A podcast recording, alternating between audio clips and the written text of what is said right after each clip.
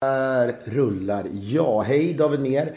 Vad glad jag blir över att du bryr dig om att ta en öl med oss. Detta ska ske under 2020. Är det en, är det liksom en, är det en rimlig, Fredrik, ambition? Är det här en fråga som bara nått dig alltså? Det är intressant. Jag har inte fått höra att David Mer vill ta en öl med mig. Drömmer jag det här?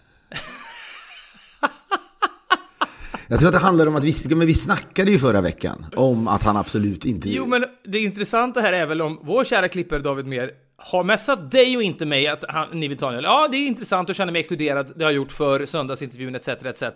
Men om det inte har hänt är det ännu intressantare, för då är det ju kanske önsketänkande från ditt håll. Jag tror vi måste informera våra lyssnare om det här ifall det skulle bli av. Mm. Det är alltså så att eh, David Beer är vår eminenta klippare sedan år tillbaka. Mm. Innan vi alltid börjar spela in där, då säger vi några, några ord till David Mer. Jag tycker att med åren har de blivit liksom mindre och mindre engagerande. Kan vi säga så? Kan vi vara så ärliga? Det är risk för det och jag, jag vet också att han, jag, jag, tror att han bara liksom tänker den här, hej David Mer, då kör vi, sorry för att vi lämnar podden sent den här veckan, hoppas du kan klippa All den här typen av plattityder som han då liksom suckar sig igenom, kan de inte bara börja så att mitt jobb kan påbörjas? Jo, men han är också, precis, för han är ju, han är ju själva definitionen av en, en stressad man som försöker få livet att gå Ja, ihop. men han är liksom livspussel på två ben, han har små barn, han har, han har ett jobb förutom det här. Han hatar dessutom när vi pratar om honom i, i podden, så att, att han ska behålla det här, då måste vi insistera på detta, annars kommer han vilja ta bort det. Nej, och sen broderade då, det var antingen du eller, eller jag som började för några veckor sedan. Vad var det då vi sa? Som jag minns det så sa vi no, i något sammanhang då, på, att vi ville ta en öl med honom, att vi tycker det är synd att vi inte ses, men att David Mer förmodligen inte vill ta en öl med oss. Nej, okej, okay, det kan uppstå det? Sen har jag då för mig, Fredrik, att vi har fått ett svar på detta där han skriver Jag vill visst ta en öl med er. Men du är inte säker på att men han... du menar att du inte har fått det här? Nej, jag har inte fått det. Ja, men man blir orolig. Det är klart man blir orolig för sin egen hälsa. Om det är så att jag då... För det handlar inte tror jag, om fåfänga, åh, han vill ta en öl. Utan det oroväckande här är att jag börjar alltså tro att jag har fått svar från folk. Det är väl inte bra? Nej, usch. Det är inte bra. Nej, det är inte bra. Det är jättedåligt. Det är jättedåligt om du Jätte... börjar tro detta. Det är men en sak om du glömmer bort saker du har fått. Det, så, sån har du varit, sån, såna, såna kan alla bli. Ja, jag har inte sett det smset, jag är ledsen för det. Men en annan form av drömsk tillvaro är ju när man tror att man har fått saker som man inte har fått. Då blir livet ännu mer Men är inte det här någon slags, det är liksom en inverterad Alzheimers i så fall? För det är väl ändå oftast det vanliga väl att man glömmer vad någon heter och sånt där vidare. Det är, det är alltså information. Ja, det är, det är ett slags önsketänkar-Alzheimer du kanske då Jag har ju hållit på så här, men jag har liksom aldrig hållit på på det här sättet att jag har först skickat iväg mejl eller sagt saker och sen börjat fantisera ihop att jag har fått svar. Kul är det inte. Nej, men jag vet att många lyssnare vill ha ett då för att känna att podden är igång. Vi vet heller inte David Mer, han är väldigt, väldigt, väldigt skeptisk till att inkludera sig själv i podden. Han kanske vill klippa bort allt det här. Det stämmer väl ändå inte? Det har han väl aldrig gått ut med gentemot och oss? han har sagt många gånger, jag tog bort allt om mig, som vanligt. Ja, han har jättemycket kontakt om själva jobbet, medan dig smsar han kanske om sociala sammanhang. Skäms han lite för oss med andra ord? det skulle kunna vara så. Ge mig en sekund och bara kolla om han har messat detta till mig.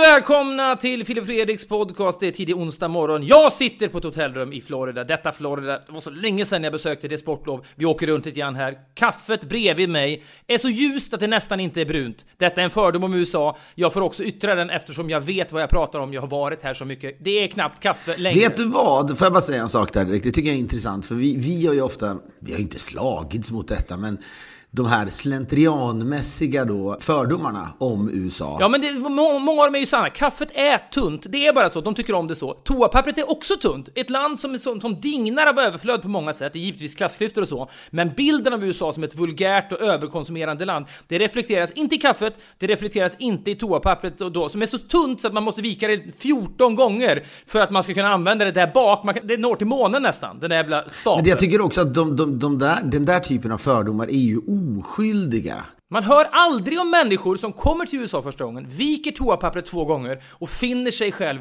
rakt igenom penetrera pappret med, med, fingrarna och gräva sig i rumpan. Detta hör man ingenting om. Sen står de där och skrubbar sig intensivt i den här tvålen då som är kemisk som satan i tvättstället. Är det det du alltså har? Det här måste ju vara en historia ur ditt liv. 95 kanske när man var här första gången. Sen lär man sig ju det där. Så tryckte du alltså fingrarna genom pappret? Ja, men det har ju alla gjort Filip. Det finns ett jättemörker, det är ingen som pratar om det. Det har jag aldrig varit med om tror jag. Då har, då har du glömt det som du har glömt annat i livet. Men så är det. Pappret är tunt, man har en slags svenskt vikande i ryggraden. Man viker det två gånger, man tänker det räcker. Dang! Så går det rakt igenom och sen eh, är man ju med om det att man kliar sig i rumpan. Tvätta händerna, då är det ingen fara längre. Allt är överspelat, men det har hänt. Det här är bara du. Nej, men Filip, jag du, skulle, du, du, du du vad? veta om mig att jag, jag besitter en stor förmåga att se saker man har varit med om som man inte pallar prata om. Detta, nu sitter många lyssnare och nickar diskret. Ja, oh, men det där, det där hände mig också första gången jag åkte till USA, men inte andra gången, för jag lärde mig. Jo, men det, det säger jag i alla fall. Du, du ger nu Folklivsforskare. då... Du, du relanserar uttrycket skit under naglarna här. Oftast är det associerat med folk som sliter hårt eh, inom industrin kanske. De, folk står i en verkstad dag ut, dag in. Detta resulterar i skit under naglarna som är svår att få bort. Det är ingen enkel process. Och på samma sätt som... Den här är... Ja, men får jag bara säga, får jag prata till punkt? På samma sätt då, som att man antar jag till slut ibland inte orkar borsta tänderna. Du vet, man, man har suttit, varit uppe sent och sen, äh, jag skiter i det. På samma sätt antar jag att man till slut blir lite uppgiven kring skitet under sina naglar. Och i en, en om man då och låt säga att du skulle flytta till USA. Skulle du börja då jämt ha bajs under naglarna? För att du skulle ge men upp? Filip, det här, men du, det här förstår du ju. Det här händer människor en gång. Första gången man reser till USA, är med om detta, så händer det sen inte igen för att man lär sig. Man är en människa som Annars hade vi varit neandertalare fortfarande. Vi har ju förmåga att, då, Jo, att adaptera oss okej. själva efter omgivningen. Okej, hade till och med liksom en, en grottmänniska tänkt. Nu är jag i ett land där toapappret är tunnare. Då får jag vika det dubbelt så många gånger. Då klarar jag mig. Det händer en. Jag har aldrig varit med Nej, om okej, detta. men då har du glömt det kanske. Eller så har du en väldigt, väldigt smekande stil i när du torkar dig i rumpan. Vi får inte fastna i detta, för jag vet att folk är äckelmagade. Nej, men det, det vet jag inte. Men det är klart att det, det är en fascinerande... Har du en smekande Det är stil? en fascinerande reflektion från eh, landet USA. Men å andra sidan, i tider av svart och vitt, när folk hela tiden vill, vill, vill med så enkelt som möjligt beskriva olika länder. Det är väl som nu Polen är väl bara en rasistiskt rövhål så att säga. Och ja, det finns en massa andra länder som Kina är väl helt nu, det, det är väl coronaviruset och visst, en, en viss typ av då. Ja, men Kina är nedstängning och liksom mörkläggning och coronavirus. Ja, och, och, och eh, hus, det är liksom husarresternas eh, land också. Rolls Royce, ja verkligen. Min, min kompis hamnade i husarrest i Kina faktiskt. Otroligt, och han sa det just att de, de är helt galna i husarrest. Ja men det är väl smart, det är ju billigt! Du slipper smälla upp massa fängelse. Men vet du vad det känns som? Husarrest känns ju lite som när eh, det här ryktet som fanns om att polacker, och, vilket var rasistiskt någonstans, polacker åkte till Sverige och begick brott eftersom de tjänar mer pengar i ett svenskt fängelse än om de hade då ett skit under naglarna jobb i Polen. I Om de Polen, jobbar ja, med, med, om de jobbar som rörmokare och så vidare. Alltså det är klart att det inte är kul att vara i husarrest i Kina, men det låter ju softare än att sitta i fängelse i Kina åtminstone. Ja, verkligen. Kan det vara ett sätt för då den här diktatorn som ju bara blir starkare och starkare och ändå lär man sig inte hans namn? Det är Deng otroligt. Xiaoping kanske? Va? Nej. Jo, men det här, det här är, han är ju då en, en superdiktator. Jag noterar nu att han heter Xi Jinping, eller Xi Ja, det. Jinping.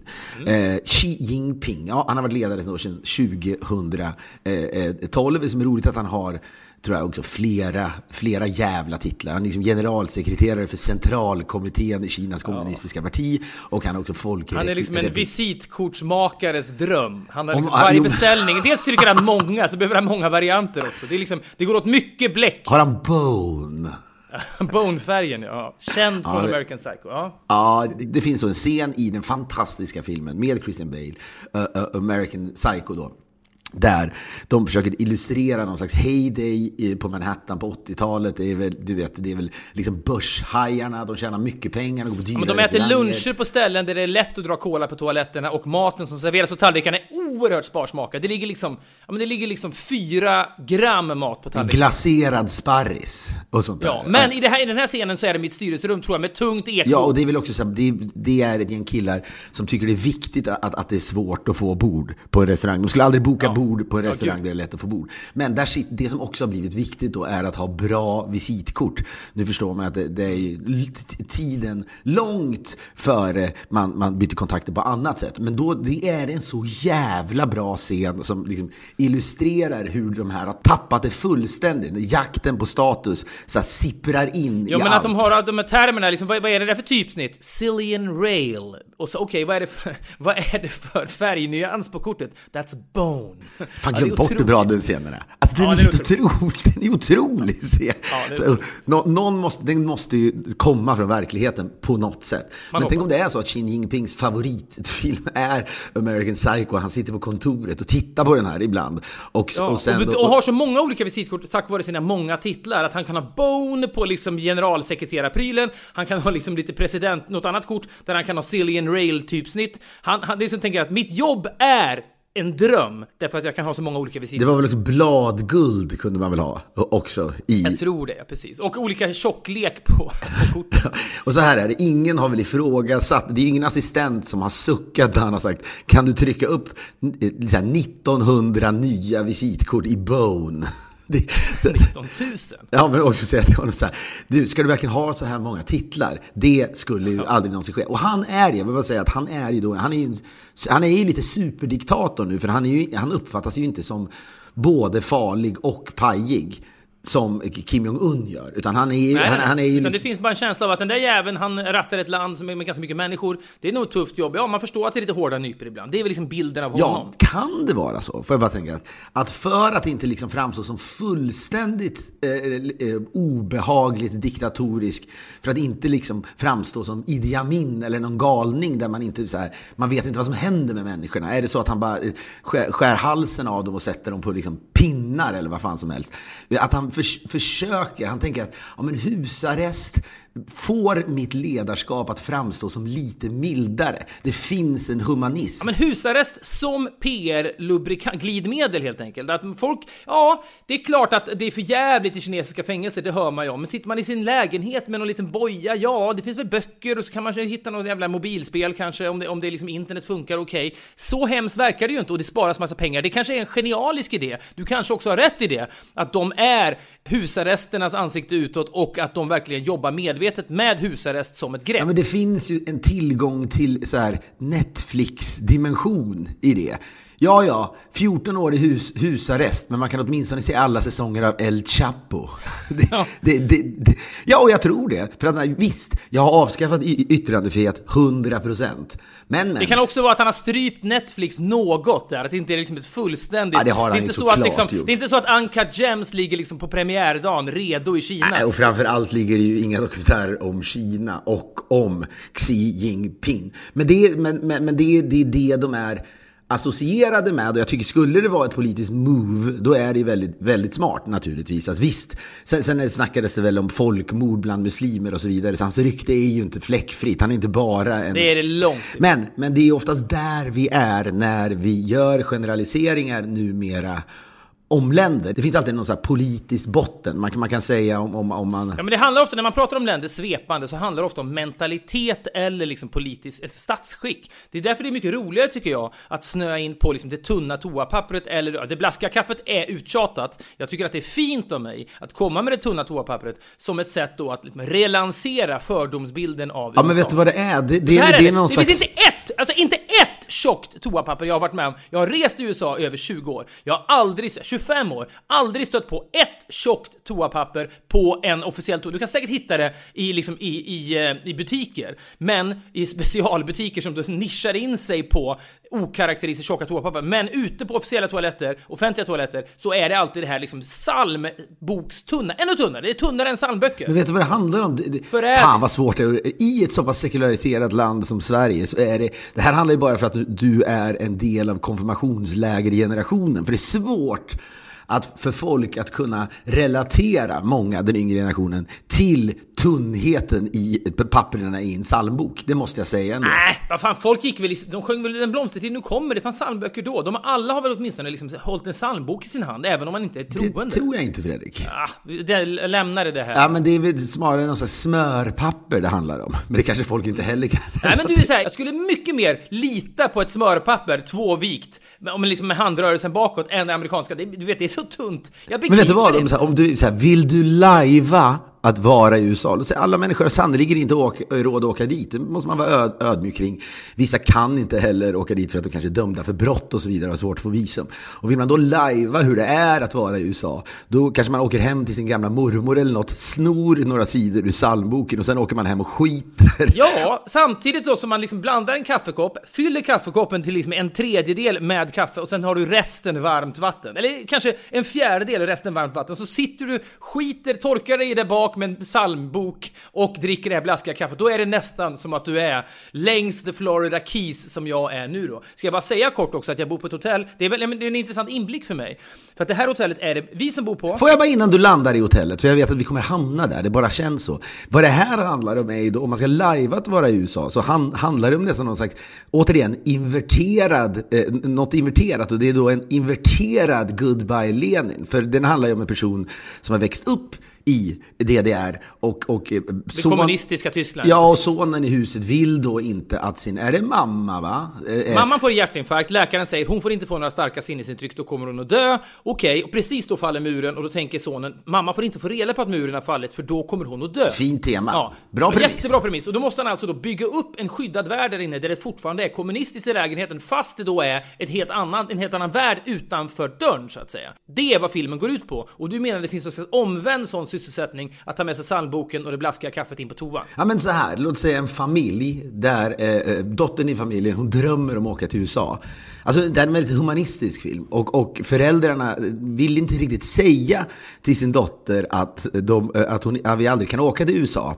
Problemet är att hon kommer ju vara medveten om det. Pappa suttit i husarrest i fyra år för väpnat rån, vi kan inte åka. Ja, så är det. Och, man, och, och, och, och så här, dottern har suttit i husarrest. Och, och föräldrarna känner för henne. För hon säger, min dröm är nu när husarresttiden går ut, så vill jag åka till USA. Föräldrarna vet att hon inte kommer få göra det, men så gör de då alltid den här filmen för att hon ska kunna uppleva USA ändå. Så de köper, de går på, du vet, gamla, gamla liksom, de går på auktioner ute på, i, på, på landet och så vidare och köper liksom enorma partier då med, med psalmböcker och gör svagt kaffe för att dottern som aldrig kunde De ställer kunna- också in, precis som jag gör nu då, de ställer också in en laptop på toan där hon då sitter och i USA, där de då kör Mike Bloomberg-annonser på repeat, för det är häpnadsväckande. Det är ju val här snart, Super Tuesday på tisdag, man bryr sig inte så mycket. Den, är, ja, du vet, det är Ingen överdrift, jag ser ganska mycket på TV här nu, det har varit debatter och sådär. Man försöker piska upp någon slags intresse för det där.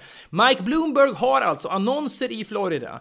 Varannan, varannan jävla annons som går på TV, varenda reklam, varannan reklamfilm är om honom. Inte en annan kandidat har en. Det är slående. Ändå har han liksom inte, det, är jordens genom tiderna träigaste människa. Han har inte en chans. Ändå bränner han liksom en halv miljard Men det är, eh, det, det är då en, en, en väldigt, väldigt, väldigt förmögen businessman. Han var även borgmästare i New York och så storytellingen kring hans person är att han då på riktigt har tjänat alla pengar själv till skillnad från Trump som fick ju ett bra startkapital av sin pappa. Och i tider när alla andra kandidater nästan, det var väl Obama som liksom lyckades med det här först. Eh, Att det är någon slags mikro, eh, mikrodoneringssystem. Vilket då Bernie Sanders är den kandidaten som då i i den här vändan av Demokraterna har lyckats bäst med att få igång en gräsrotsrörelse. Folk donerar det de kan, 4 dollar här, 3 dollar där. Medan Bloomberg kommer från en tillvaro där man, har, man ringer upp sina 20 rikaste polare. Sen har man annonser för två månader, lägger en bombmatta över hela Ja, huset. fast inte ens det väl. Han, gör, han finansierar väl nästan allting helt själv. Absolut. Det är men det han har ingen, absolut ingen gräsrotsrörelse. Det finns liksom ingen som brinner för Mike Bloomberg. Nej, men det finns naturligtvis ett, någon tilltalande dimension i att nej, jag kommer inte ens kräva pengar av er. Jag investerar alla mina egna pengar i Man det. kan få en känsla som väljare att jag, jag är inte skyldig någon något. Jag kan göra allt för att göra USA bättre. Jag behöver inte plisa vapenlobbyn som har gett mig pengar. Jag behöver inte plisa tobakslobbyn som har gett mig pengar. Jag är fri och självständig. Men jag är också den träigaste människan som har gått i ett par skor. Det är hemskt att se. Ja, och det är ju, han nu kommer han ju inte bli Demokraternas kandidat, men Trump har ju redan förberett då hur han ska smutskasta Mike eh, Bloomberg. Och det handlar ju sällan om vilken sorts eh, eh, politik personen i fråga driver. Och det, då han var ju intervjuad i någon, jag tror att den är Hannity, som är liksom Fox, Fox News eh, stora stjärna, när alla andra stjärnor har eh, fällts i eh, metoo-rörelsen. Och han gjorde någon stor intervju där han framstår, ska framstå som då uttrycket presidential och seriös. Och han uppmanades då att kommentera de, de, president, de demokratiska presidentkandidaterna. Eh, något ord om varje kandidat. Och då när det handlar om Sanders så är det väl att han är kommunist och så vidare. Och när det handlar om Elizabeth Warren, han kallar henne för Pocahontas för hon har då eh, ljugit om något slags urbefolkningsarv och så vidare. Men det, det, det handlar om nu med, och det här herregud har ju, har ju, har ju skett förut inom politiken. Men han, stå, han har alltså krävt att stå på en låda under debatterna för att inte se så kort ut. Bloomberg. Eh, Bloomberg, ja precis. Och det, det har ju då eh, Trump tagit fasta på. Och jag antar att det, det funkar i vissa kretsar. Men jag tror aldrig att han behöver, han behöver aldrig kalibrera eller, eller finjustera det där påhoppet eftersom Bloomberg som du säger, han är så frukt, han är verkligen ett stenansikte och... Ja men det är inte, men på riktigt när man slår på tvn, det är liksom som att varannan minut så ser, är Mike Bloomberg på tv och ingen annan kandidat. Det, det, jag har aldrig varit med om dess like. Jag har ändå fått massa sådana här kampanjer och tycker att det är skitspännande att kolla på. Jag har aldrig varit med om dess like när det gäller bombmatta. Vi är denna vecka sponsrade av våra älskade vänner på ATG som i sin tur då sponsrar ATG Hockeyettan.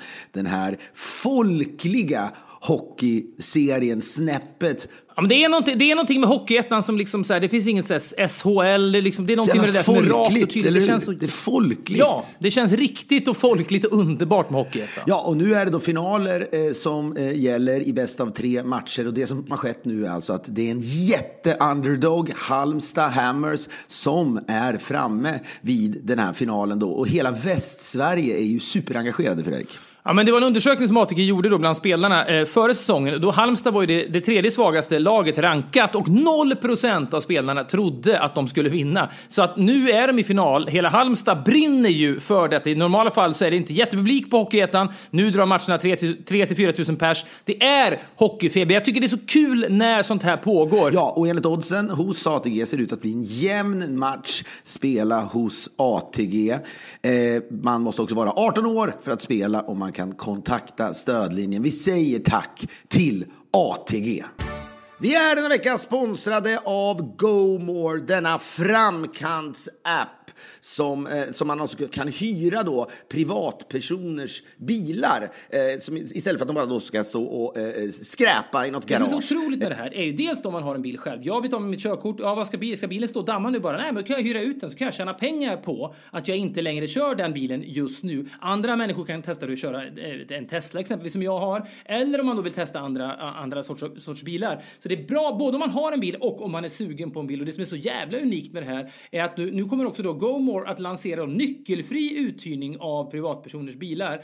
Då kan man då låsa upp bilen direkt via GoMores app. Då får man alltså användning av bilar som finns parkerade på gatorna utan någon ansträngning alls som bilägare. Man ska ju använda de bilarna som finns på gatorna och GoMore är lösningen då till problemet med bilar som står oanvända 23 timmar om dygnet. Gå in på gomore.se eller ladda ner den här appen. Det här är ju verkligen framkant och en sån jävla bra idé. Testa den här nyckelfria funktionen eller om du sitter hemma och sitter på en bil som står parkerad, anslut den och gör den nyckelfri ihop med GoMore. Vi säger stort tack till GoMore!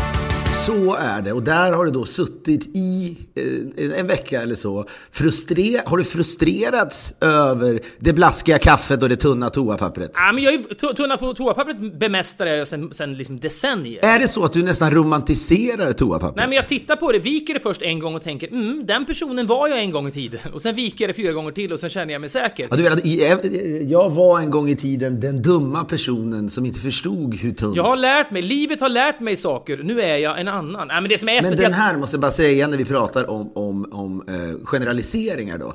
Det du sysslar med är någon slags summer of love generalisering. Helt ofarlig. Den är pacifistisk.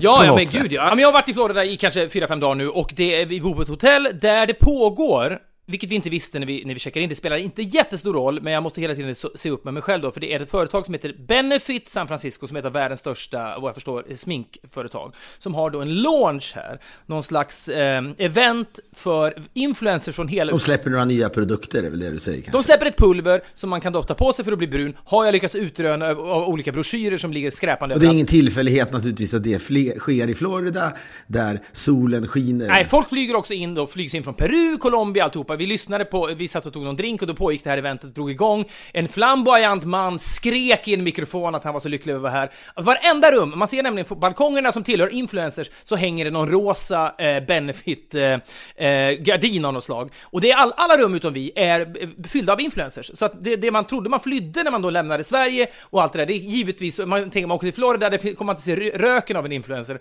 Ja, det är alltså, det är alltså på riktigt kanske 180 influencers här. Jag måste se upp så att jag inte blir Ulf Brumberg och reagera när de ägnar timmar åt att ta bilder på varandra i vattnet och när det då pågår de här seminarierna i högtalare överallt. Det är en väldigt speciell tillvaro att vara i. Jag ska säga att det finns nog, kan jag bara föreställa mig, en klassdimension i det där. Du och jag har ju varit en del av det där också. Långt innan du kunde betala dina flygbiljetter så var ju bjudresor mm. en del av våra liv. Framförallt en del av ditt liv. Ja. Det här var ju under så att säga magasinjournalistikens heyday Men jag har ju sannerligen åkt runt och mycket av mitt resande och mycket av mina liksom så här lärdomar om amerikanskt toapapper har jag ju tillskansat mig via bjudresor från skivbolag, intervjuer Mariah Carey i New York kanske. Det har varit otroligt för mig. Men skillnaden ändå på den här typen jo, av men resor... Jag vill, bara säga, jag vill bara säga att du har ju säkert åkt iväg på andra, eh, andra resor där du Amen, jag minns att du var på Apples launch. Jag förstår att det är kul, men det handlar ju om att åka iväg gratis. Man bor på ett fint hotellrum och så ska då det, manipulationen i det här, den är inte så avancerad, ska vara att när du bor på ett bekvämt hotell, visserligen med tunt toapapper, men du får flyga då business class, att man, man verkligen skriver positivt ja, men, eh, om produkten. Jag säger, bor du i Peru, om jag tillåter mig själv att vara eh, då fördomsfull så kanske det är en extrem lyx att bjudas till Florida och då kanske man verkligen sugs in i den här pulvervärlden och blir väldigt positivt Gud, inställd. Ja, jag kan så... känna en, en otrolig otrolig eh, sympati med de här människorna. Ja, men har du sett hur de är med servicepersonal? ja, men det, det, kan också finnas klassdimension av det. Hej, här bjuds jag på den här resan. Jag har aldrig jag varit med om det här. Jag behöver inte vara mot någon. Nej, jag vet inte. Visst, absolut. Så här, men det är den grundläggande Nej, men vet du vad? I... Det är som när min syrra... Nej, men vänta. Vänta, det är som när min syrra var otrogen för att folk var otrogna i rederiet. ja, okej. Okay. Ja, men, man, jo, men vadå? De kanske så här beter man sig som rik. Ja, kanske då. måste jag också Ja, jag vet inte. Jag är väldigt förlåtande. Ja, det är det uppenbarligen. Men det, det köper jag. Men det är bara någon skillnaden är ju att när vi åkte på alla de där resorna, betalningen för all den här lyxen och all den här upplevelsen kom ju när man kom hem och skrev en artikel om detta. Skillnaden här är ju att de betalar ju i realtid hela tiden. Ofta var det väl så att artiklarna aldrig skrevs? Så kan det också ha varit, definitivt. Han blev en blänkare på nätet. Var det inte vår kompis Micke som väntade tre år med att skriva, skriva om en grej när han bjudits till Nya Zeeland på någon slags här eventresa där man skulle testa eh, allt de har där i form av sån här ja, jag vet. Jag, jag, action att, att tre, Vissa människor så här, jag lyssnade på en intervju med han Ronan Farrow, journalisten som då höll på med någon disputation. Han har ju pluggat tusen olika saker, men han blev klar med sin disputation för typ fyra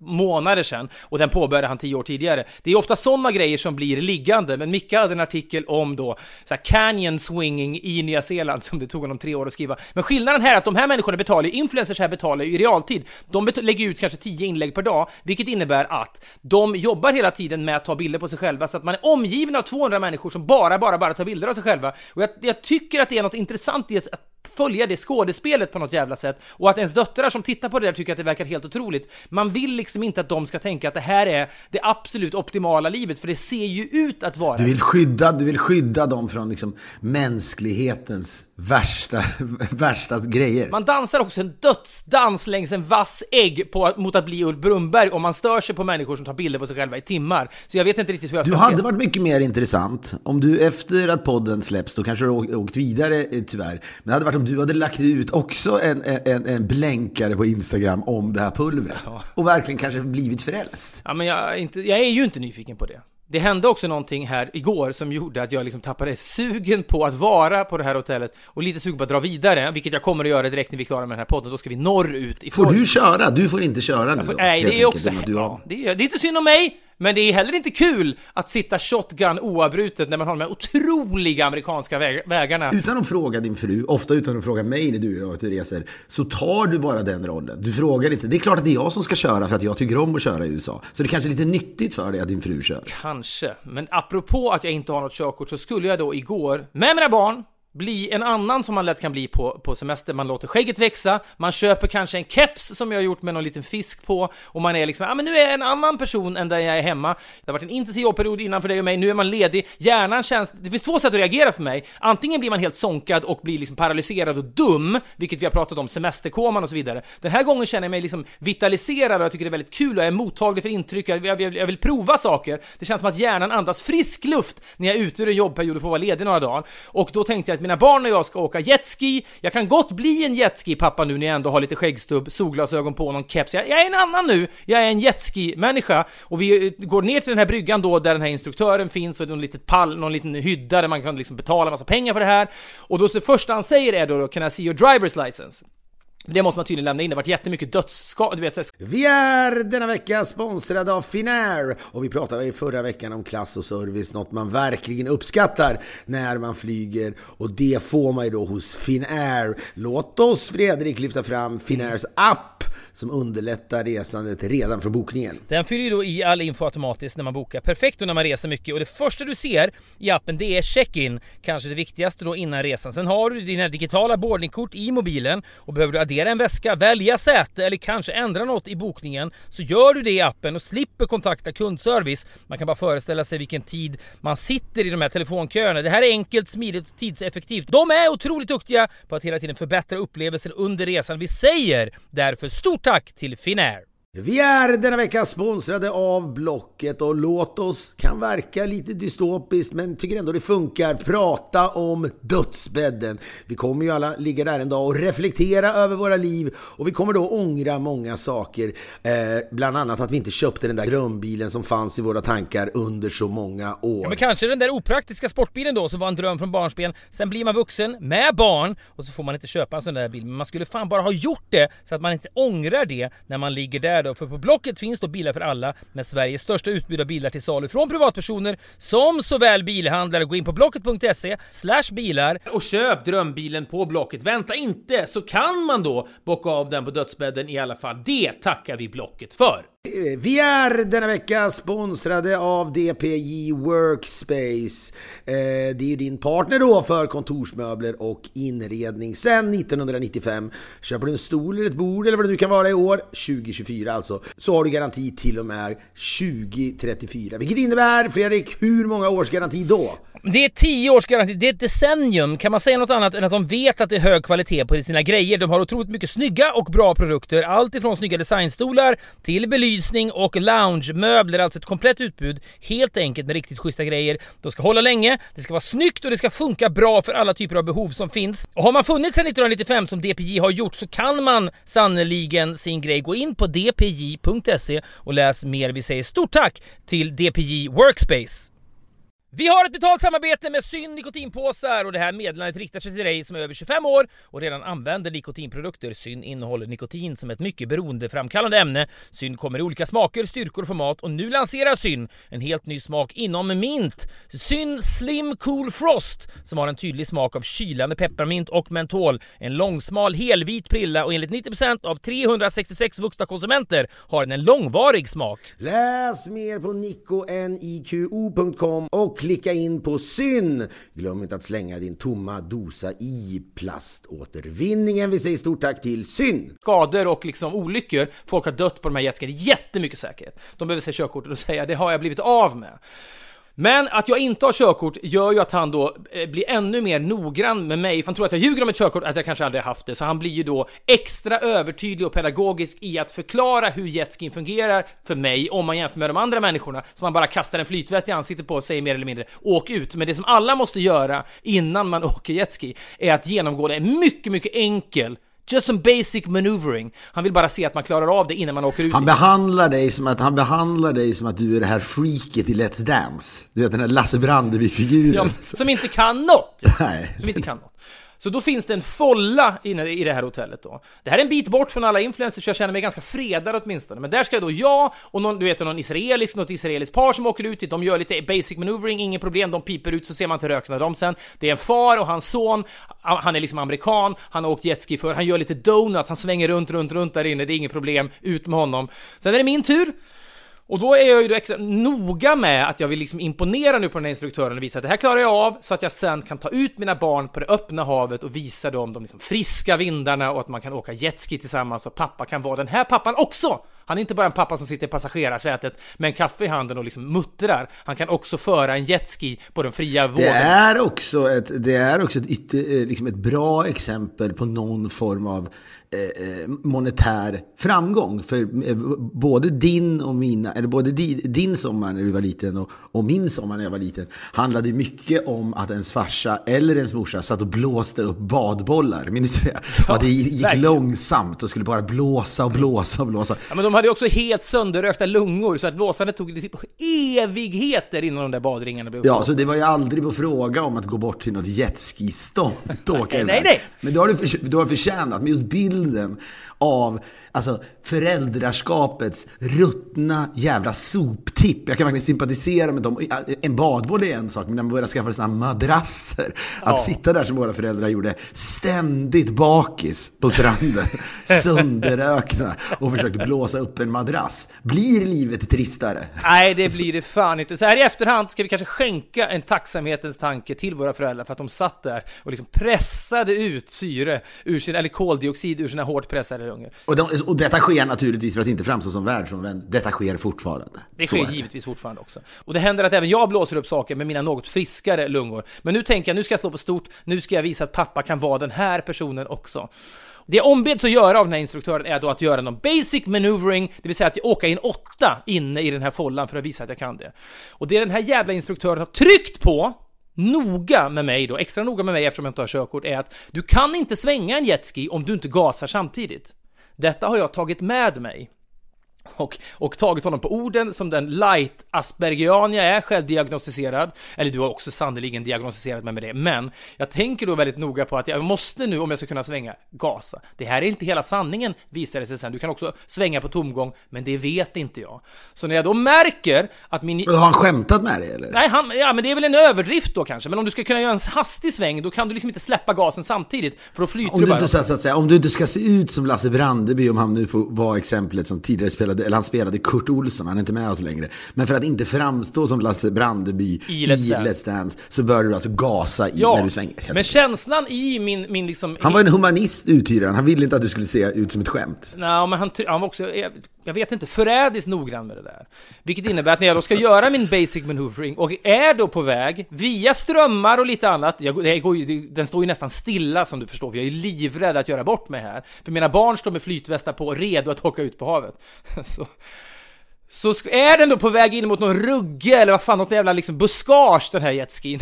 Och jag ska då svänga bort från det och känner att jag måste gasa samtidigt, annars går det ju inte att svänga. Och det gör ju, jag är jättedålig på sådana här draglägen och sånt där. Du och jag har haft jätteproblem med motorcyklar och sånt. Det här påminner ju lite grann om en motorcykelupplevelse. Vilket jag... Men det finns ju inget dragläge, det är ju bara gasa. Jag vet, men det är ändå draglägesliknande upplevelse. Med andra ord, det påminner ju inte alls om det. Det är det lättaste fordonet i världen att, att föra framåt. Ja, om man kan the basics då kanske. Men det som händer då är att jag i princip, om man, om man ser det här på håll, om man är i mitt huvud så ser det ut som, ja nu är jag på väg mot den här ruggen, jag måste gasa lite och göra en elegant liksom så här, gir åt vänster med hjälp av motorkraft. Men ser man det här från instruktörens håll, han står 15 meter därifrån, han ser på en Stig Helmer-figur utan körkort. En opudrad Stig Helmer-figur. hela hotellet är pudrat, men jag är opudrad, blek och Stig Helmer. Och för han ser det ut som att jag gasar rakt in i den här ruggen, där då jetskin fastnar. Och eh, jag får inte ut den och han får då ta en egen jetski, åka fram och hjälpa mig med detta och sen tittar han på mig. Detta är inget skämt och säger I can't really let you go out there today sir. Och jag eh, blir alltså, jag kuggar alltså detta uppkör, denna uppkörning. Och det, så detta är ej eh, genomfört? ännu. Nej, mina barn, eh, jag tror aldrig jag stått lägre i kurs hos mina barn än när jag då får skjuts tillbaka de 15 meterna i den här inhägnade follan, tillbaka till det här liksom bryggan och jag säger att vi får göra det här någon annan dag istället. Vi ska norrut, vi kanske kan göra det här i Boca Raton. Det är som taget ur en eh, ganska sen då, eh, eh film i, i Lasse Åbergs svit av sällskapsresor. Hälsoresan, kan den ha varit den sista kanske? Eller, Hälsoresan eller Golfresan var väl någon av dem. Ja, den hette väl Den ofrivilliga golfaren. Det här skulle ju om Lasse Åberg plötsligt kände att ah, nu jag gör en film till så skulle den kunna, då skulle Jetskis definitivt kunna finnas med. Fast jag har ändå på känn, har inte du ändå på känn att det handlar om att skulle han inte snarare i en ny då sällskapsresa åka på något, han skulle väl åka till Silicon Valley till någon launch av någon Apple-produkt. Fast han skulle gilla å andra sidan att vara omgiven av liksom 22-åriga influencers från Peru och liksom Texas för att då kontrasten mot hans då opudrade kropp skulle, skulle bli... Skulle Lasse Åberg i en remake, tror du, skaffa Instagram kanske? Kanske va? Och så skulle det kunna bli något fel vad han postar på Insta-story eller något sånt där. Ja, säkert. Ja, det var någonting, jag menar att jag ser sig själv utifrån och se att om någon hade filmat det, det ser ut som en människa som med berått mod gasar rakt in i ett jävla buskage och fastnar. Vi är den här veckan sponsrade av Triva, T-R-I-W-A, Triva, den här klockan då som jag förtjusat mig så i. Det var kanske 15 år sedan jag bar klocka. Den här sitter på min högerarm. Där har jag min klocka. Så är det bara. Det är inte mitt försök att vara excentrisk eller bohemisk. Den har alltid suttit där när jag har haft klocka. Den sitter bra, den är snygg, den känns rejäl och tung. Och det finns en tanke bakom klockan och det är att den är gjord av nedsmälta vapen. Kan man säga, det är humanium metal är väl det som det kallas då. För varje såld klocka då, eh, som, eh, som man köper hos Triva så går 15 procent tillbaka till IM, individuell människohjälp och deras arbete då i El Salvador. Eh, eftersom eh, El Salvador då är ett av världens värst drabbade länder när det kommer till vapenvåld. Så dundra in då på sajten triva.com, T-R-I-W-A och läs mer om det här projektet. Koden Filip och Fredrik kan du då få 20% rabatt på antingen hos din närmaste stjärnurmakare eller på triva.com, T-R-I-W-A det här är en snygg klocka. Det här är en klocka som gör någonting bra. Jag tycker att det här är toppen. Stort tack till Triva! Vi är denna vecka sponsrade av Lendo som är Sveriges största jämförelsetjänst för privat och företagslån. Jag ska prata lite grann, Fredrik, om att vårstäda. Det gillar ju du, mm. eller hur? Ja, men det gör jag verkligen. Du älskar att slå upp fönstren på vid gavel och gå runt och städa i lägenheten. Men... Ja, och så kommer en frisk luft in och man, man, man, känner att man har ordning på saker och ting i hemmet. Det här kan man ju också göra med sin ekonomi. Om man exempelvis har massa olika smålån och avbetalningar som man betalar av varje månad. Då kan det både vara skönt och ekonomiskt gynnbart att samla det här på en och samma plats med hjälp av. Då. Mindre lån har ju ofta högre ränta och betal, man betalar då förmodligen fler faktura och aviavgifter. Ska man inte samla då alla de här lånen till ett och det kan man ju då göra på lendo.se. Man samlar sina lån till ett större lån. Då kan man jämföra lån upp till 600 000 kronor från upp till 35 banker och långivare. En ansökan är gratis att göra ska jag säga. Så gå in på lendo.se och vi, vi säger tack till Lendo. Men jag tycker, det, jag tycker det är fint. Jag gläds med det efter en ganska lång inspelning av Alla mot alla. Vi har nu spelat in hela säsongen. Programmet rullar alltjämt måndag till torsdag på kanal 5. Finns också på Dplay, den digitala plattformen. Vi älskar det där programmet och det går bra, men vi har varit lite, eh, man blir lite utmattad helt enkelt av att spela in alla de där avsnitten. Det är en jävla logistik Vissa säger, varför kan ni inte göra det live? Jo, därför att det inte går. Alla dessa deltagare och deras scheman gör det svårt. Så då måste man pressa in en massa, massa avsnitt på, på ganska få dagar. Men fortsätt se programmet om man är slut. Och jag vill bara säga det ändå att jag tycker du är värd semester och sportlov. Det som har hänt mig då är att jag inte riktigt kan ha det. Och jag tror att det är väldigt, väldigt ohälsosamt, måste jag säga. Jag känner mig otroligt utmattad, men kan inte riktigt slappna av. Och eh, det beror bland annat på att jag har vissa åtaganden här i USA då. För här jobbar vi ju också med vårt bolag och våra program som vi försöker sälja utomlands. Och det, allt det, detta är jättekul, men jag önskar att det hade kanske börjat nästa vecka då. Men i ska, ja, nästan i det tysta då, så har jag och en amerikansk producent och en annan svensk producent som heter Thomas, vi har jobbat med att försöka ta fram då en pitch av Alla mot alla i USA. En amerikaniserad... Jag älskar, vill jag ju säga, jag älskar ju, jag var ju då pitchade in Alla mot alla i Norge, det kommer börja sändas där nu, det, det är jättekul. Men det är ändå Norge, jag har varit i Danmark och så vidare. Det är vad det är. Det går inte att pumpa upp någon slags glamour i att Alla mot alla ska sändas i Norge. Det går Verkligen inte. inte. Nej, nej, nej, och det försöker jag inte göra heller. Men, men tanken på dig jag sitter liksom på håll och bara fantiserar, visualiserar hur du rör dig mellan de här stora kanalerna, människorna som har lite tid, men som då tar sig 10-15 minuter för den här svensken som kommer in. Jag tycker det är både inspirerande att tänka på det, det är komiskt ibland, det är hjärtskärande ibland, det har du själv tillstått när det inte går bra, men det är framförallt en viktig del av mitt liv att de där mötena sker i Los Angeles med dig, för jag hämtar energi ifrån. Det som händer ofta är att min amerikanska eh, vän, producenten då, Daniel, han brukar ofta då säga att jag jag är en stjärna i Sverige. Det är lite pinsamt eh, bara att han säger det. Och så tittar de på mig. Och jag tror att jag kan ha berättat det här då ändå när vi var uppe och pitchade något annat. Jag kommer inte riktigt ihåg vad det var. Så, eh, så sa han, eh, so what do you do? Och så, ja du vet, who can you compare yourself to in the US? Så det, det, Vem är du i Sverige? Ja, det, det är svårt. Och det flyger alla möjliga namn genom luften. Och när vi då är på tv-kanalen Fox, presentationen är gjord, jag är en stjärna i Sverige. Enligt Daniel då, vår producent. Och så tittar han på mig, den här mannen från tv-kanalen Fox då, han tittar på mig och okulärbesiktar mig och tänker, är detta möjligt? Ja, det kanske det är, tänker han väl.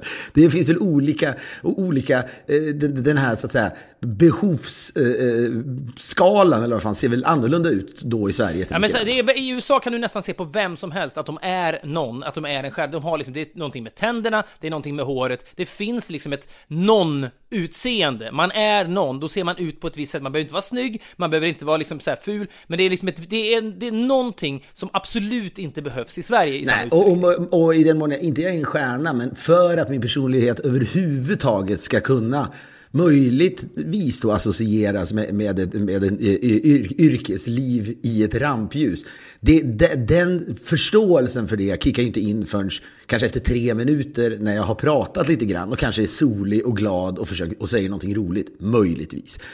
Men han är bara tyst. Och sen så konstaterar han då att Well, you're as famous as a weatherman in Los Angeles.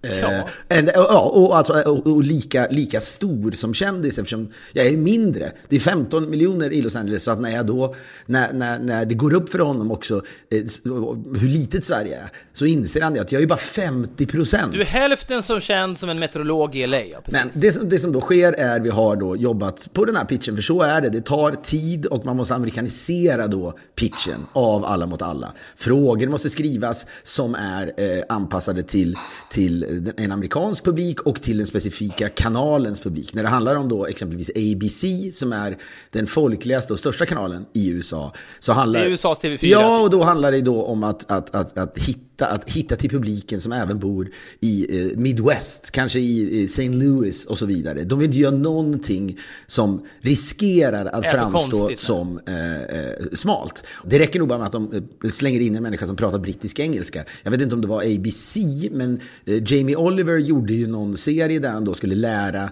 amerikanska eh, skolungdomar att äta bättre. Och han reste runt i USA. Det de då hade, de hade gjort helt missbedömt hur illa omtyckt omtyckt man blir om man glider in i en amerikansk skola och pratar brittisk engelska och hur illa publiken tycker om det. Det var ju en fullständig ja. katastrof. Ja, men sanningen är väl att Alla mot alla som är ett program i Sverige, det är ett program om du pitchar för ABC. Pitchar du för Comedy Central eller någon kabelkanal, humorkanal, då är det ett helt annat program. Men, men så måste det vara om du ska ha en chans att få in det. Ja, och det som är gemensamt för alla kanaler nu, vi ska pitcha på typ 20 kanaler, det är Go... Det är Uh, go American, som de säger. Ställ inga frågor om vad Kinas, uh, Kinas uh, diktator heter och så vidare. Allt ska vara frågor om USA. Och när det gäller ABC så måste hela familjen kunna sitta och, och svara på frågor. Så det går inte att... Det är nog intressant det. Jag kan tänka mig vissa som lyssnar på det här tänker, om de bryr sig om sånt här, att det är liksom, och vara själlöst, att man kompromissar bort en, en själ av ett program. Men sanningen är ju att allt och alla är ju kameleonter hela tiden. Man är en viss typ av person när man går in i ett rum, man är en annan person, man kanske ska träffa svärfar, och svärmor för första gången, då är man fan inte samma person som när man står på afterskin två veckor senare. På samma sätt kan liksom ett program skifta tappning också, beroende på vem mottagaren är. Därför är jag så djupt imponerad av, eh, i alla fall ibland då, cheferna på ABC och även människorna som eh, pitchar format för dem, att hitta ett format som lyckas eh, få folk att samla sig kring eh, eh tv-apparaterna. I Sverige är inte det lika imponerande eftersom vi är ett mindre land och inte alls lika fragmentiserat, om jag nu använder detta ord igen, men det vill säga att ett, ett, ett land som är, består egentligen av massa olika länder och, och, det är ju religion som, som splittrar landet och det kan vara vapenlagar, det kan vara alla möjliga saker som splittrar landet. Så hur fan hittar man då den där tonen som gör att alla tycker att det här är värt att titta på? Och vi kan heller inte vara för svåra. Jag menar en fråga om vad heter då Tysklands offensiv över London under andra världskriget? Blitzen. Som jag tror kanske skulle kunna vara en fråga i, i Alla mot alla i Sverige och då är det Blitz, Blitzen eller Blitzkrig. Den har vi haft. Eh, sin, man kanske skulle kunna ställa en fråga. Jag skulle verkligen vilja säga det att blitzkrig är ju egentligen då hela tyska offensiven i början, medan blitzen mer är då liksom när de bombade satan ja, du ser. London. Ja, det kanske inte, ja. jag kan möjligtvis... Det är inte en, en, en kategorisering amerikanerna är mottagliga Nej, du skulle på sin höjd då, som Daniel sa, mycket insiktsfull, kunna fråga var, i vilken eh, delstat ligger eh, Pearl Harbor? Kanske, möjligen. Men det är oftast lättare än så. Men många av våra då, de här segmenten som finns i Alla mot alla, man tittar på det, överlever. Det är musik, det är introtävlingar och det är idiotfrågan. Lever den jäveln Ja, kanske? det är idiotfrågan och det är lever den jäveln. Där vi då måste vara, det, måste, liksom, det får inte vara lika svårt som, eh, som de säger. Och det finns också en risk att om man tar, så att säga, tar livet av en människa i amerikansk tv så kan det bli väldigt upprört. Va? Så att det är enda gången man slänger in utländska kända människor. Då kan man slänga in, inte Hitler, det, det, går ju inte. Men man kan du vet, slänga in någon, någon diktator någonstans för att då är det inte känsligt. Men vi har gått igenom där många utvisningsbåset som är en ny grej som vi har den här säsongen. Det vill säga att eh, laget bara eh, består av, av hälften så många deltagare eh, och så vidare. Massa av, av det här. Allt det här finns och vi ska nu då, som idag börjar vi på en tv-kanal som heter TNT som ändå är ganska stor och imorgon så stor pitch då då på NBC, som nästan känns det som i Sverige och i Europa är en större kanal än ABC. Ja men NBC är ju, det, det är ju typiskt, de har ju Seinfeld och Vänner. Ja, de har, eh, the, de har The Voice och de har haft eh, Vänner hade de väl och så vidare. Där ska du kliva upp då. Eh, men vad är strategin ja, och, då? Och det skulle kunna vara en sak och då ska jag presentera som en stjärna. Men det vi du, då har jobbat på i flera månader, det, det är att vi ska spela alla mot alla i någon slags analog version inne i pitchrummet. Så det är det första som sker. Det här, det här har du berättat för mig, du kan till och med berätta till podden att, att ni ska gå in, överraska människorna i rummet som är stressade, som har många möten efter det här mötet att, då, att ta sig an innan dagen är slut. Och då så ska ni då överrumpla dem genom att bara kasta er in i en frågesport med, där man då tar fasta på själen i Alla mot alla och hoppas innerligt att människorna i rummet är mottagliga för att plötsligt blir det frågesport där inne. För om, om de känner så här, sluta med det här tramset, berätta vad programmet är istället, då är det ju katastrof. Ja, och det kommer man ju känna direkt. Vi satsar ju allt på ett kort som då kör igång en frågesport och inte säger bara programmet går ut på det här och det här och det här. Utan istället så bara okej, okay, ni är ett lag, ni är ett lag, nu kör vi. Så är det. Jag älskar det. Fortune favors the bold, som någon jävel säger i filmen Bohemian Rhapsody, som jag såg om på planet, när de då helt då förvanskad historieskrivning, när de då spelar upp Bohemian Rhapsody för skivbolagsmänniskan spelad av Mike Myers, som säger jag vill inte ge ut den där singeln. Det händer ju aldrig på riktigt. De älskade ju den där singeln, gav ut den direkt. Men då säger någon agent eller manager till bandet, till skivbolagsmänniskan, ge ut den här nu, Fortune favors the bold. Det är ett härligt uttryck tycker jag, och jag hoppas att det är det ni tar med när ni går in i de här rummen då, och kastar det rakt in i en frågesport. Fortune favors the ja, bold. och grejen är då att Daniel är du, så Daniel har då skrivit versioner på dina så att säga ingångar i frågorna, som ju du är en mästare på att skriva. Det, att det, man vet inte riktigt var vi är på väg och du kanske berättar något ur ditt liv eller ja, någonting du har en åsikt om och så vidare. Och sen leder det fram till en fråga. Det ska sägas, Daniel är oerhört skicklig på det här också, måste jag säga. Inte på din nivå, men det, han gör det verkligen bra. Daniel ska vi säga, han har jobbat med Jimmy Kimmel, han har jobbat med Letterman, han är en, av, en riktig räv ju. Och sen ska jag då vara eh, domare, precis som i Sverige, och vara lite lustig eh, och, och, och så vidare. Och bland annat då när vi går till ABC, som sänder Oscarsgalan, så, så har vi då en fråga om vilken film vann slutligen bästa film det där året då Warren Beatty och Faye Dunaway skulle ut och presentera eh, årets bästa film. Och och så blev det fel. Det är en, okej, det är en populärkultur, men visst är det tydligt, de sänder Oscar, det är kul för dem att svara på. Ja, men det som är intressant då är att han som sitter, som vi ska pitcha för på ABC, är absolut högsta höns på ABC när det handlar om, om programmering då. Och det, han heter Rob, och Rob var också den som producerade denna sändning. Det, måste vara, det är ett mardrömsminne för honom, så att om han inte vill tänka på det så kanske han säger sig Get out! Det här vill jag inte ens bli påmind om. Ja, men, och det ska vi, men den här Rob då har tidigare varit assistent åt eh, Daniel. Jaha. När det begav sig. Och sen har Rob kanske haft en ännu bättre karriär än honom. Det får man säga. Ja, men då säger Daniel att det är ändå en rolig fråga, men så säger han tone down your jokes afterwards. För jag, let's see where it lands, som man säger. För jag känner ju direkt att jag skulle börja, du vet, kunna fråga honom, vad gjorde du på kvällen när det där var klart? När du åkte hem i bilen? Vad satt Hur du och tänkte drack på? du? Ja, men också när du släckte lampan och din fru sa att det var en jättebra gala och så vidare. Vad hände? Ja, precis. Frun säger så här, välkommen hem älskling, jag såg galan, det var fan vad bra det gick. Ja, det, det är klart att det var lite lite udda det där att, att ni sa fel film, just när det gäller bästa film. Eh, det har ju aldrig hänt tidigare, men glöm det nu! Det är ingen som kommer att tänka på det imorgon. Det är ju vad hon är sugen att säga till honom. Jag älskar att Daniel säger till dig, let's see how it lands, innan du då ska... Ja, men också att han säger balance, Philip. Balance is everything. Men jag, jag säger ju ändå att lita på mig. Eller vill du nu ha mig i det här rummet så får vi köra på det. Och han är oerhört fan generös och en bra människa och han litar på mig. Och sanningen är att vi sitter ju inte där som potentiella programledare för det här. Utan vi har med oss en hel lista med potentiella programledare Ja. som är anpassad då för varje kanal. Jag vet inte vilka vi har på NBC och så vidare. Men det är typ han, du vet, han countrysångaren Blake eh, som han heter, som sitter i The Voice och det, du vet Shakira. Det är de, den typen av namn och de ska hitta kemi bland människor som ska de ställa frågor. Eh, men det är då upplägget och sen allt det här är klart så lämnar man efter sig programmets bibel. Ja, hade det varit pappersformat så hade det varit lövtunna papper Ja, jag. exakt. Men, och du vet en länk med alla, alla olika segment från programmet och så vidare. Och jag ska väl, som man säger, you just, you're in the room as the creator of the show. Du är inte där, jag hoppas inte du tar det eh, som en eh, Nej, jag förolämpning. det Men alltså, jag måste vara den mannen som har skapat den här enorma hitten. För det är programmet, så är det bara.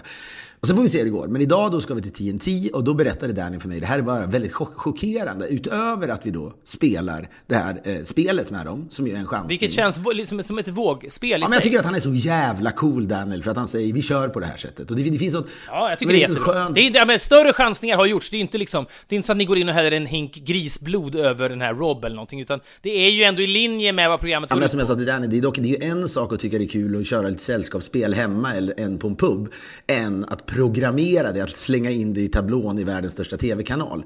När man istället kan slänga in ett The Voice eller ett Idol eller vad det nu kan vara, eller en liksom återförening av vänner och så vidare.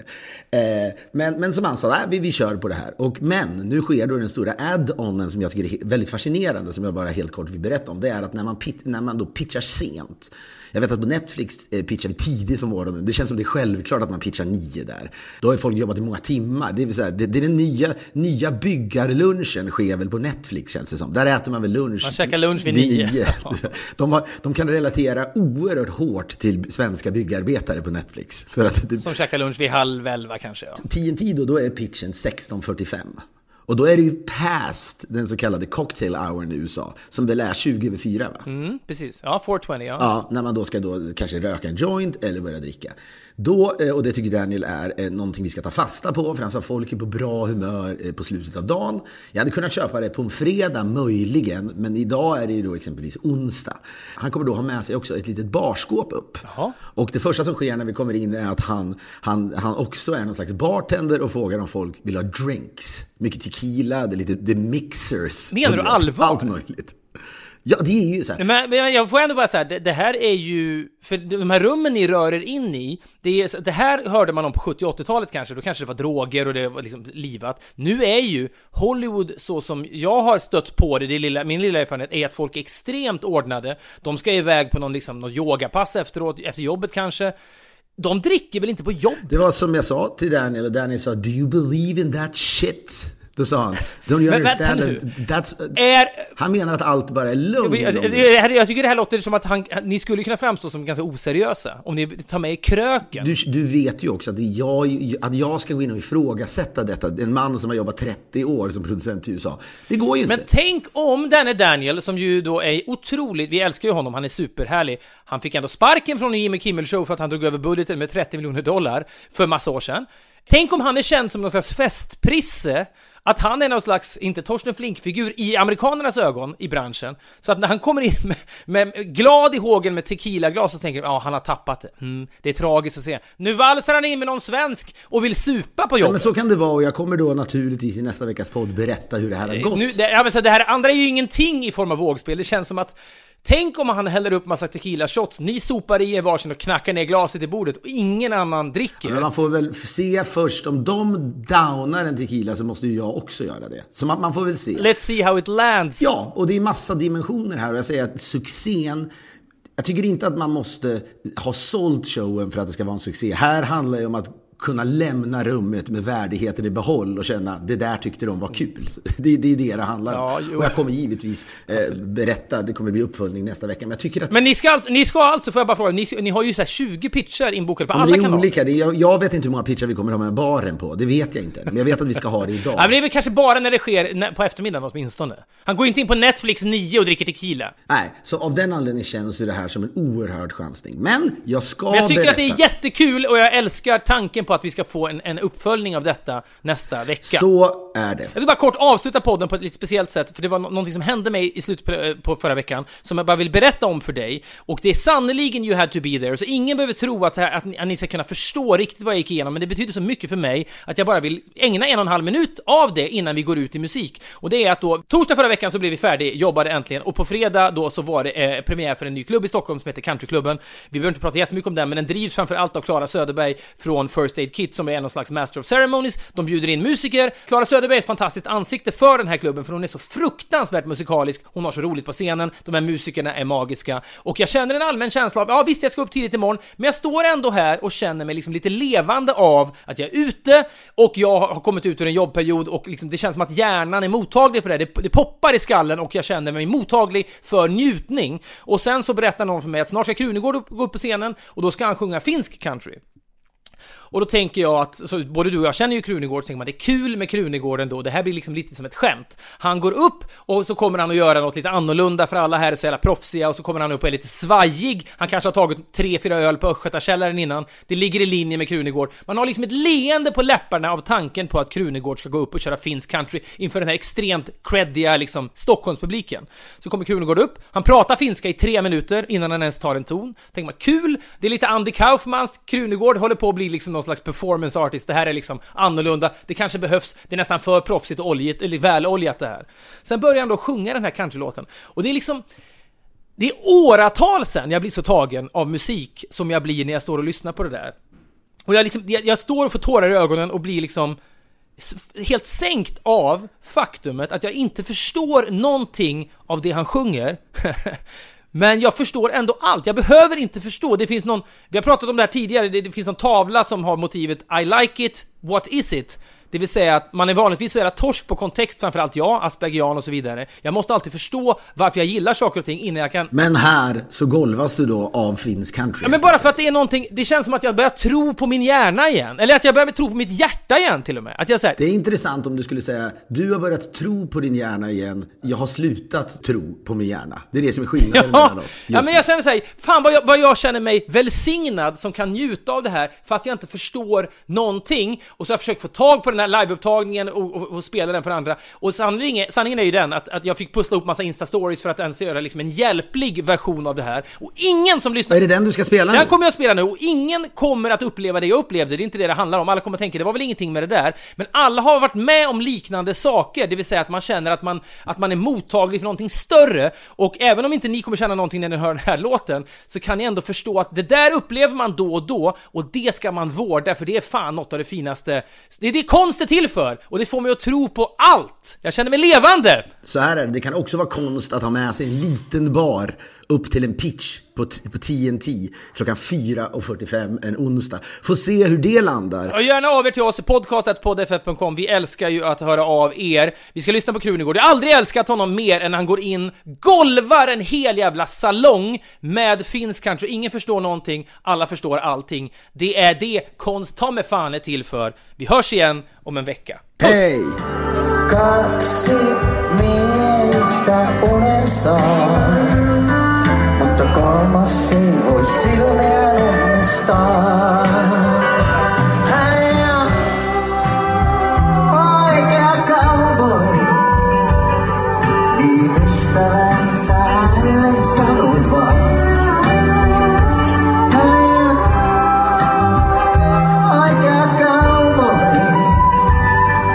Kun näistä ei voi saa.